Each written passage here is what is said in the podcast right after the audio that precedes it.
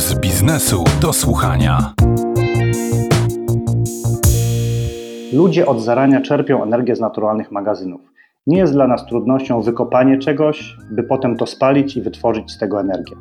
Z biegiem czasu do produkcji energii zaprzęgliśmy wiatr, wodę i słońce.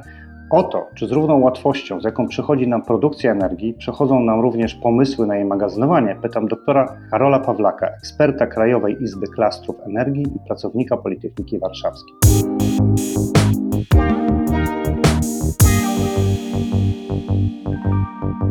Rzeczywiście należy się w zupełności z Panem zgodzić. E, od wielu tysięcy lat e, ludzkość próbuje energię zmagazynowaną pozyskiwać, e, natomiast w drugą stronę ten proces jest nieco trudniejszy, czyli mamy kłopoty z magazynowaniem energii na dłuższy czas.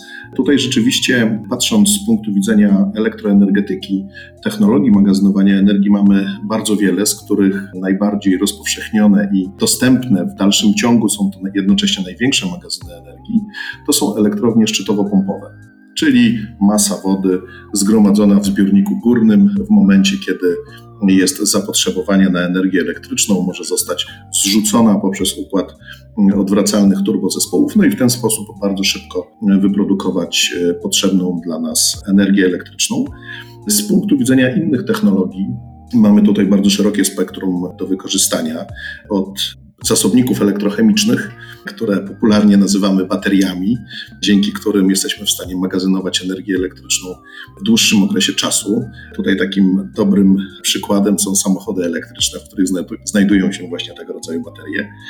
Niemniej jednak, myśląc o dużym magazynowaniu energii, czy wielkoskalowym, dzięki któremu moglibyśmy zarządzać odnawialnymi źródłami energii, odpowiadać dynamicznie na potrzeby systemów elektroenergetycznych, no potrzebne są magazyny zdecydowanie większe i tutaj także trwają szeroko zakrojone prace nad wykorzystaniem e, zarówno zasobników elektrochemicznych, jak też e, zasobników chemicznych. Tutaj na pewno słyszał Pan o rozwiązaniach poświęconych mm, zielonemu wodorowi dzięki któremu będziemy mogli magazynować energię w wodorze, który następnie będziemy mogli spożytkować na produkcję energii elektrycznej użytecznej. Przeciwnicy elektromobilności, może nie przeciwnicy, a bardziej sceptycy, zaznaczają, że ta ekologia związana z samochodem elektrycznym jest zaburzona przez to, że cały czas korzystamy z paliw kopalnych, te pierwiastki gdzieś tam do wytworzenia tych baterii e, są wykopywane. Czy któraś z technologii, nad którą teraz pracujemy, jest w stanie w przyszłości, może nawet bardzo odległej, zastąpić e, baterie litowo-jonowe w autach?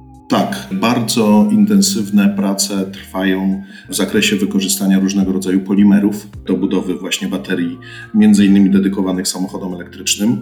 Tutaj oczywiście głównym problemem, który jest podnoszony, to jest kwestia pierwiastków ziem rzadkich, które często wykorzystywane są jako ten podstawowy element baterii, chociażby w baterii litowo-jonowej mamy e, lit, kobalt, nikiel, który pozyskiwany jest no, czasami w sposób taki dość niehumanitarny, ze względu na to, że większość z tych fabryk mieści się w Afryce, gdzie rzeczywiście w dosyć takich mało humanitarnych warunkach wydobywane są tego rodzaju pierwiastki. Trwają prace oprócz, tak jak wspomniałem, baterii polimerowych, gdzie sztucznie będziemy wytwarzać elementy bateryjne. Trwają prace nad wykorzystaniem magnezu do tego, żeby zastąpić lid w bateriach. No magnezu mamy stosunkowo dużo, w związku z tym też pozyskanie go nie odbywa się ze szkodą dla środowiska, czy też może być pozyskiwane w sposób bardzo oszczędny z punktu widzenia wpływu na środowisko naturalne. Gdzieś ostatnio czytałem o pracach nad, e, nie wiem czy dobrze zapamiętałem, nad żelem wodorowym i że podobno ten sposób przechowywania energii może znaleźć zastosowanie w, w mobilności, nie wiem czy małej, czy dużej, ale właśnie w, w, pojazdach. Tak, firmy pracują nad wszelkiego rodzaju żelami, pastami wodorowymi. Jest to głównie związane z trudnością przechowywania wodoru. Wodór jako najmniejszy pierwiastek ma tendencję do przechodzenia nawet przez zbiorniki stalowe. W związku z tym, realizując wszelkiego rodzaju zbiorniki, w których przechowujemy wodór, musimy stosować zbiorniki dwupłaszczowe, w których płaszcz zewnętrzny jest jakby tą otoczką z pewnym nadciśnieniem w stosunku do płaszcza wewnętrznego, gdzie przechowywany jest wodór. Natomiast wodór e, ma także jedną bardzo wielką zaletę. Jest całkowicie neutralny środowiskowo. W procesie czy to spalania wodoru, czy spożytkowania go w ogniwie paliwowym, produktem ubocznym jest czysta woda. W związku z tym tutaj nie mamy żadnych produktów trujących, czy chociażby CO2, z którym wszyscy w tej chwili walczymy. Ja postrzegam wodór jako rzeczywiście pewnego rodzaju paliwo przyszłości. Niemniej jednak musimy pamiętać o tym, że też ogniwa paliwowe, chociażby które stosowane są w samochodach elektrycznych napędzanych właśnie wodorem, niosą ze sobą pewną trudność eksploatacyjną. Tam powstają bardzo wysokie temperatury. Z tym musimy sobie jeszcze poradzić. W związku z tym z mojego doświadczenia, jakby z mojego spojrzenia na przyszłość elektromobilności, to jeszcze przez długie lata będziemy korzystać z baterii tych tradycyjnych litowo-jonowych, dedykowanych szczególnie samochodom elektrycznym miejskim, tam gdzie będą wykorzystywane na krótsze odległości. Natomiast wodór jako paliwo może z powodzeniem być stosowany w transporcie towarowym, kolejowym czy morskim. W związku z tym tutaj dopatrujemy się tej przyszłości takiej najbliższej w zakresie wykorzystania tej technologii. Rozumiem, że skutecznie poprowadzone badania i e, wyprodukowanie w przyszłości tej wodorowej pasty może zmienić ten obraz i ten wodór rzeczywiście może znaleźć zastosowanie również w, samochodach e, osobowych czy miejskich właśnie. Zdecydowanie, zdecydowanie tak. Tutaj rzeczywiście są takie możliwości.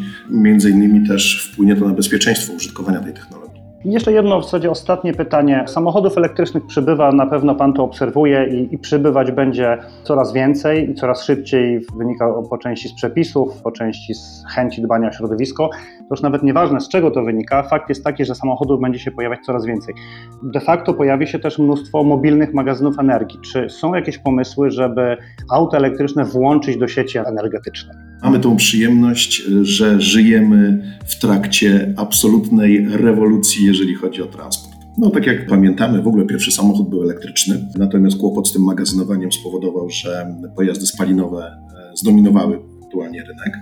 Niemniej jednak podejście do ochrony środowiska, coraz większa świadomość wywołuje to, że samochodów elektrycznych pojawia się coraz więcej. Z mojej perspektywy za kilka lat należy spodziewać się, że samochody w większości będą pojazdami elektrycznymi.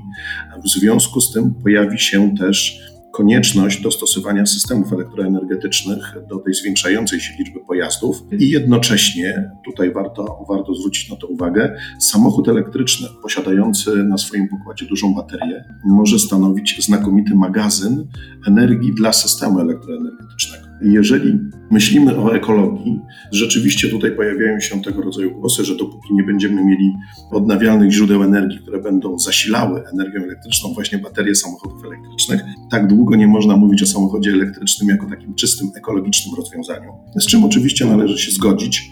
Natomiast w sytuacji, kiedy źródeł odnawialnych będziemy mieli coraz więcej, będziemy musieli systemy wyposażyć także w pewne układy magazynowania energii, ponieważ no jeżeli popatrzymy na farmy fotowoltaiczne czy na farmy wiatrowe, energia z tych źródeł jest dostępna wraz z dostępnością energii pierwotnej, czyli w wypadku farm fotowoltaicznych słońca, w wypadku farm wiatrowych wiatru.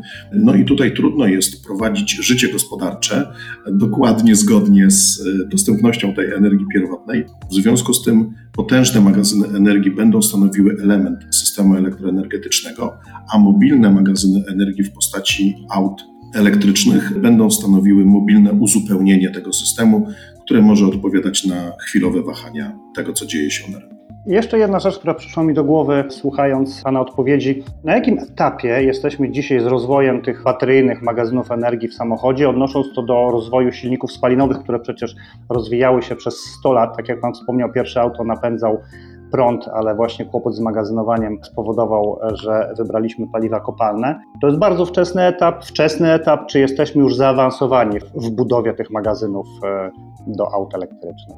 Ja uważam, że jesteśmy już na etapie dość zaawansowanym. Może porównując to do ery samochodów spalinowych, jesteśmy w latach 80.